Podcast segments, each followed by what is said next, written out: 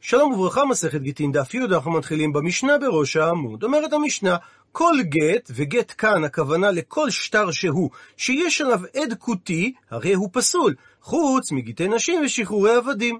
והגמרא תבאר בהמשך באיזה מקרה מדובר. ואומרת המשנה, מעשה שהביאו לפני רבן גמליאל לכפר ותנאי גט אישה, והיו עדיו עדי כותים והכשיר. כפר אותנה ישב בקצהו הדרומי של הגליל, על קו הגבול עם ארץ הכותים. בתחילה היו הולכים מהגליל ליהודה, בדרך העוברת במרכז הארץ, על פני עין גנים היא ג'נין, מדרום לעמק יזרעאל, ממזרח לכפר ותנאי. אבל לאחר שקלקלו הכותים ולא הניחו ליהודים לעבור בדרך זו העוברת את שכם, התחילו לעקוף את ארץ הכותים והלכו או בדרך המערבית בין כפר ותנאי לאנטיפטריס, או בדרך המזרחית מבית שאן דרך בקעת הירדן עד ליריחו ומשם לירושלים. לאחר מרד בר כוכבא השיבו הרומי בכפר ותנאי את הליגיון הרומי. לגיו הוא אתר ארכיאולוגי הנמצא על שלוחה מצפון לנחל קיני, בסמוך לתל מגידו, אשר מזוהה במחקר עם העיירה כפר ותנאי, הנזכרת רבות במקורות חז"ל כיישוב מרכזי הנמצא בתפר שבין הגליל לשומרון. במקורות הרומים כונה המקום בשם לגיו, בשם של מחנה הקבע של הליגיון השישי פרטה, שהוקם על גבעה צפונית מערבית לצומת מגידו, ומדרום לתל מגידו, וזהו השם שהשתמר לחורבה במקום, ותועד עוד במפת הקרן הבריטית לחרקר ארץ ישראל. ושואלת הגמרא, מה אני מתניתין? כשיטת מי המשנה שלנו? שהרי היא לא כשיטת הנקמה, ולא כשיטת רבי אלעזר, ולא כשיטת רבן שמעון בן גמליאל. דתניא ששיטותיהן מפורטות בתוספתא הבאה. מצת כותי מותרת, ואדם יוצא בה ידי חובתו בפסח. זו דעת הנקמה שסובר שמותר לאכול בפסח מצה שהכין כותי ולא חוששין שמא היא החמיצה. וניתן אפילו לצאת בה ידי חובה בלילה הראשון, דהיינו בליל הסדר, שאז אדם חייב לאכול דווקא מצה המשתמרת, שהרי כתוב, בערב תאכלו מצות. ולא ניתן לצאת ידי חובה בסתם מצה שלא החמיצה, אלא אם כן, עשו לה שימור לשם חובת מצה, שהרי כתוב, ושמרתם את המצות. ולפי תנא קמא, הכותים היו בקיאים שצריכה המצה להשתמר לשמה, ולכן היו עושים לה שימור.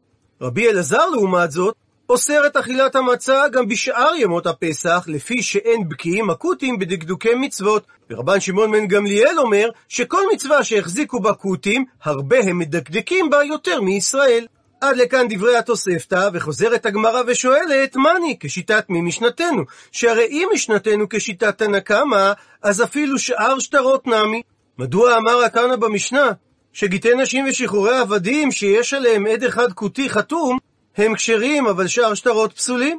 והרי נאמר בעשרת הדיברות, לא תענה ברעך עד שקר, וודאי שלפי תנא קמא, הכותים מעידים רק עדות אמת ולא עדות שקר. כך שבהכרח התנא של המשנה שלנו לא סובר כתנא קמא. והיא תרצה לומר שהתנא של המשנה שלנו סובר כרבי אלעזר, אז אפילו גט אישה נמי לא יהיה כשר, כאשר יש עליו עד כותי אחד חתום, וכך גם שטר שחרור של עבד, שהרי לפי רבי אלעזר הכותים חשודים על קיום המצוות. כך שבהכרח התנא של המשנה הוא לא כשיטת רבי אלעזר. והיא התנא של המשנה סובר כרבן שמעון בן גמליאל, אז הרי הדבר תלוי.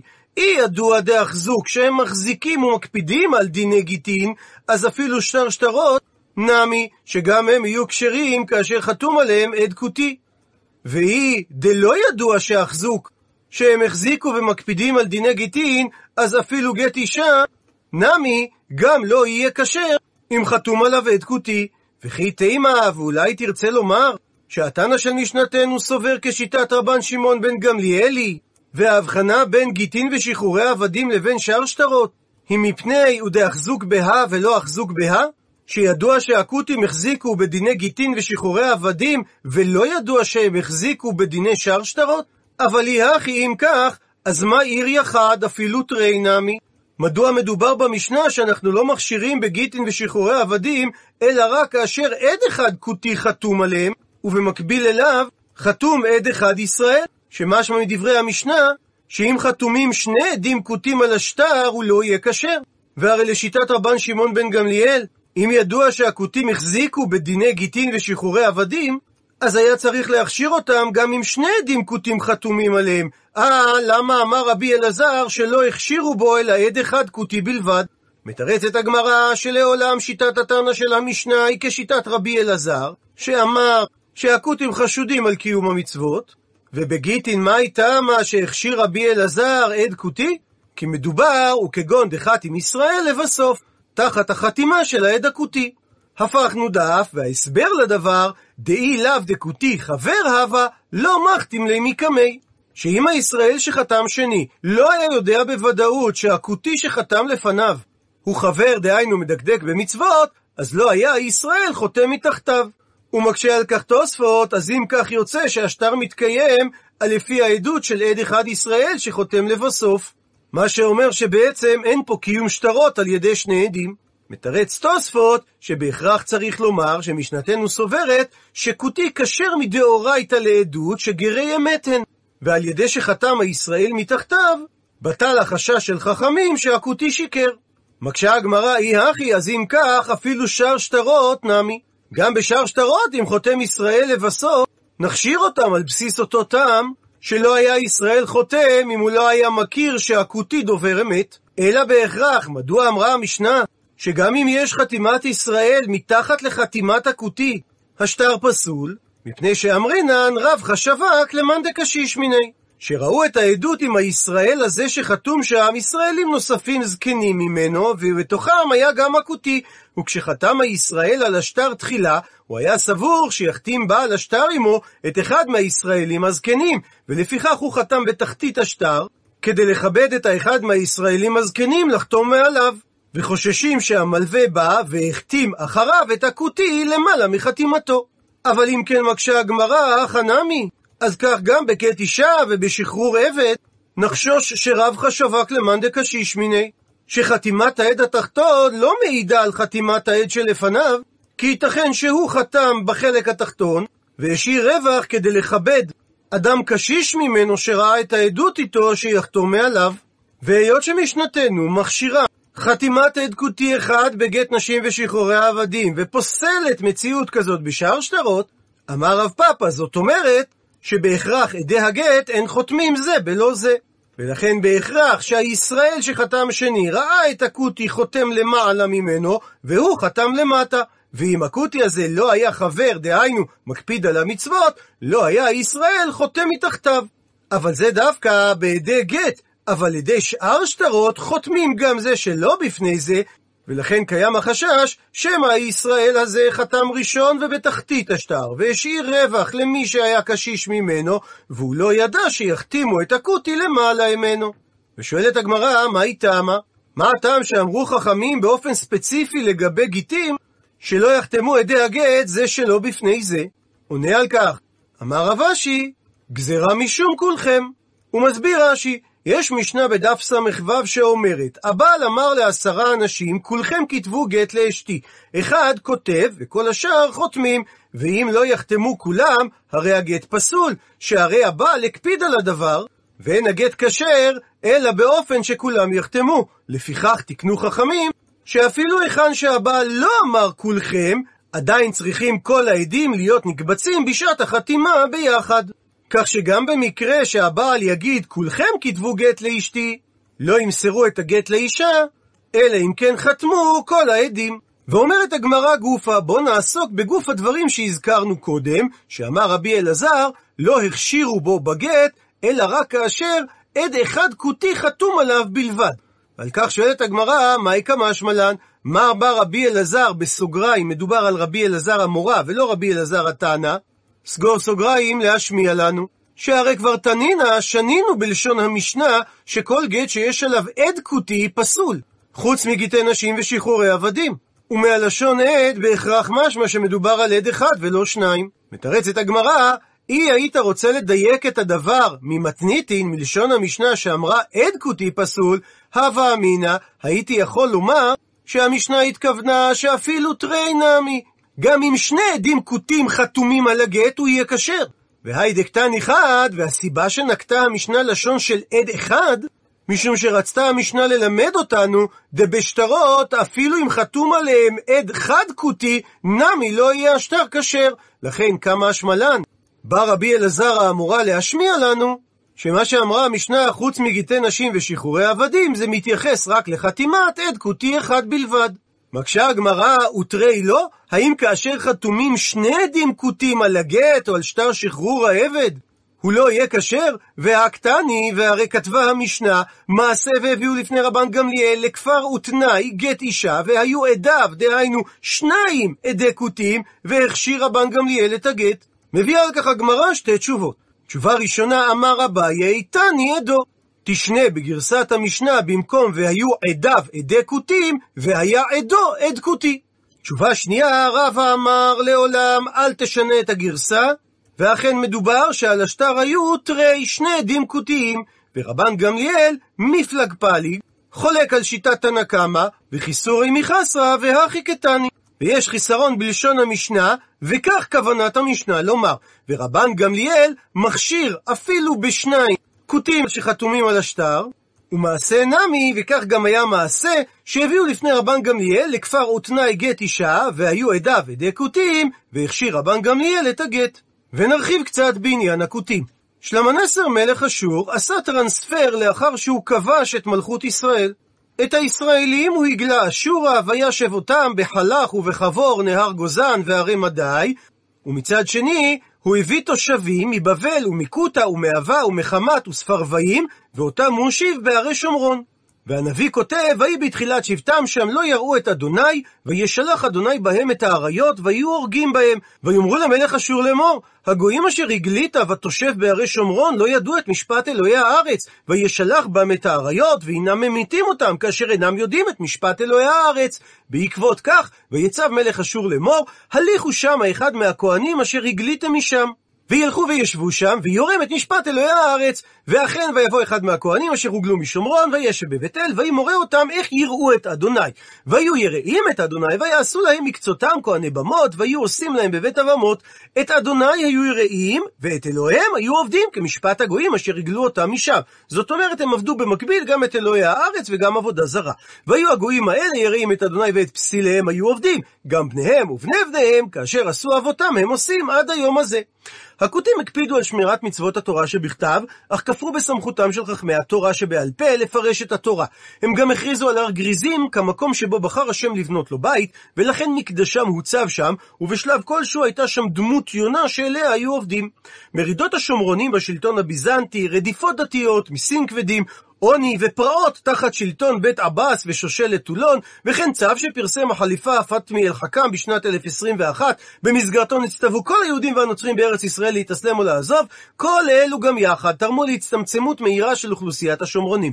כתוצאה מכך, הם פחתו מאוכלוסייה של מאות אלפים שאכלסו בצפיפות את חבל השומרון בשלהי התקופה הרומית, לקהילה מצומצמת של כ-146 אנשים המרוכזים בעיר שכם בשלהי התקופה העות'מאנית. בשנת 1940 יצחק בן צבי, לעתיד נשיא ישראל השני, כתב מאמר בו טען כי שני שלישים מתושבי שכם והכפרים הסמוכים לה הם ממוצא שומרוני. הוא הזכיר את שמן של מספר משפחות מוסלמיות כבעלות מוצא שומרוני, כולל משפחות אל-עמד, אל-סמרי, בווארדה וקסאם, שהגנו על השומרונים מפני רדיפות מוסלמיות בשנות ה-50 של המאה ה-19. עוד טען בן צבי כי למשפחות אלו היו רישומים כתובים המעידים על מוצאן השומרוני, שנשמרו על ידי זקני המשפחה. ואומרת המשנה, כל השטרות העולים בערכאות של עובדי כוכבים, אף על פי שחותמיהם גם הם עובדי כוכבים, הם כשרים, חוץ מגיטי נשים ושחרורי עבדים. רבי שמעון חולק ואומר שאף אלו כשרים, ולא הוזכרו בבית המדרש לפסול אותם, אלא בזמן שנעשו בהדיוט. דהיינו שהם לא נעשו בערכאות שזה מקום בית ועד דיינים קבועים של העכו"ם, אלא שנעשו על ידי עובדי כוכבים הדיוטות שאינן דיינים. ומדייקת הגמרא מלשון המשנה שכפסיק ותני, התנא פסק ושנה בצורה מוחלטת שכל השטרות כשרים בחותמי עובדי כוכבים. לא שניים מדובר על שטרות של מכר, לא שניים מדובר על שטרות של מתנה. ומקשה הגמרא, בישלמה נוח לי להבין ששטר מכר, מקי יאיב זוזי קמיו דקנה. רק מהרגע שנותן הקונה כסף לישראל המוכר לפני הדיינים עובדי הכוכבים, אז מתבצע הקניין, שהקרקע נקנית בכסף עצמו, ושטרה ראיה בעלמו, והשטר הוא רק ראיה לעסקה שלא יאמר המוכר לא מכרתיה או שלא קיבלתי מעות בתמורה לקרקע, שבדבר הזה גם שטר ערכאות העכו"ם מהימן. מפני דאי לא יהיב זוזי קמיו, לא הבו מרעי נפשיו וכתבין לשטרה. שהיות ומדובר על דיינים קבועים שזה העיסוק שלהם, אם הם לא היו רואים את נתינת הכסף, הם לא היו כותבים שטר מכר, כי זה היה מערער את האמינות שלהם כדיינים. אלא כאשר מדובר בשטר מתנה, שעל ידי מסירת השטר עצמו מהנותן למקבל מתבצע הקניין, במאי קקני? במה קונה המקבל את המתנה? לאו בהאי שטרה? האם לא על ידי מסירת השטר? והי והרי השטרה הזה חספא בעלמא הוא. הוא סתם חתיכת חרס, שהרי עדות של גויים לא יכולה לגרום לפעולת קניין כעדות ישראלים כשרים. עונה על כך הגמרא שתי תשובות. תשובה ראשונה, אמר שמואל, דינא דמלכותא דינא. הוא מסביר התוספות ריד, שאף על פי שאין שטר חתימת העובדי כוכבים חשוב שטר, מפני שאין הם כשרים להעיד מן התורה, כיוון שהמלך גזר שיהיו שטריהן קיימין ויהיו נאמנים בעדותן, הרי זה שטר כשר, כך שיש להם תוקף גם בדיני ישראל. ולכן מועילה פעולת הקניין גם בשטר מתנה. והיא בהיתמה, ואם תרצה לומר תשובה נוספת, תענה, תשנה את הנוסח במשנה ותגרוס, חוץ מכגיתי נשים. שכל השטרות שהם כגיתי נשים, זאת אומרת שעל ידי השטר הדבר נגמר, ובכלל זה גם שטר מתנה, שטרות כאלו שחתומים עליהם עדים עובדי כוכבים, אפילו שהם עולים בערכאות של גויים, הרי הם פסולים. עד לכאן דף י', למעוניינים בהרחבה אמר שמואל דינא דמלכותא דינא. ובהקשר לכך נביא את שיטת הגאון רבי עובדיה יוסף זצ"ל ואת שיטת הגאון רבי יוסף שלום אלישיב זצ"ל. הרב עובדיה פוסק שלמדינת ישראל יש דינא דמלכותא, וכך הוא כותב, ונראה שגם במדינה שאין השלטון על פי מלך, אלא על פי ממשלה הנבחרת על ידי תושבי המדינה, שייך בהם הכלל דינא דמלכותא דינא, בכל מה שנוגע לתשלומי מיסים וארנוניות ומכס וכדומה. וכן כתב בשו"ת הרשב"א, שכל שלטון של ישראל המושל במקומו, דינו דין. והוא בכלל מה שאמרו דינא דמלכותא דינא הוא כדין מלך ממש. וכן כתב בשו"ת פאת צדחה, שאין הדבר תלוי במלכות ממש, אלא בכל שלטון שייך הכלל דינא דמלכותא דינא. וכן מבואר מדברי הגאון רבי אברהם יצחק הכהן קוק בשו"ת משפט כהן, שגם בזמן שאין מלך בישראל חוזרים כל משפטי המלוכה בכל מה שנוגע למצב הכללי של תושבי ארץ ישראל, אלא העם השוכן בתוכה, והממשלה הנבחרת על ידו, יש לה כל דיני מלכות. וכן כתב בשו"ת ישכיל עבדי חלק ו', שהוא הדין לממשלה שיש לה בית נבחרים ומחוקקים, אף על פי שאינם מעוטרים בעטרת מלוכה, דינם דין גמור בענייני מדינה, ושייך בהם הכלל דינא דמלכותא דינא, ושכן הדין לגבי מדינת ישראל, שאזרחי המדינה בוחרים בכנסת, עיין שם. וראה עוד בזה להגאון רבי שאול ישראלי בספר עמוד הימיני.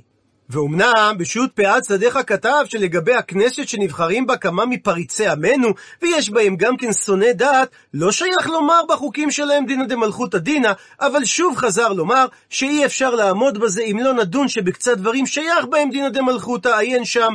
אולם הרב עובדיה אומר שאין דבריו נכונים להלכה, שהרי אפילו במלך רשע ועובד עבודה זרה, שייך הכלל דינא דמלכותא דינא, כמבואר בתוספות בסנהדרין דף כ, ובזוהר הקדוש עיין שם, והעיקר, כמו שכתב בשו"ת ישכיל עבדי הנ"ל, שגם לגבי מדינת ישראל שייך הכלל דינא דמלכותא דינא, וכן כתבו בפסקי בתי הדין הרבניים חלק א', עיין שם, ולכן נראה להלכה, פוסק הרב עובדיה, שבכל מה שנוגע למיסים וארנוניות ומכס, יש לקיים את החוק של המדינה, שזה בכלל מה שאמרו חז"ל, דינא דמלכותא דינא. וכך גם פוסק רב אליושיב, שיש למדינת ישראל הנשלטת על ידי יהודים דינא דמלכותא בדבר שנתקן לתועלת כל בני המדינה. לדוגמה, רישום בטאבו, וכך הוא כותב, שלכאורה גם הדבר הזה שנוי במחלוקת, שהרי לדעת הר"ן והרשב"א בנדרים, דווקא במלכי אומות העולם אמרו דינא דמלכותא דינא, אבל במלכי ישראל לא שייך דינא דמלכותא דינא, שהרי אינו יכול ליטול משלהם כלום, שהרי בארץ ישראל כל ישראל שותפים בה.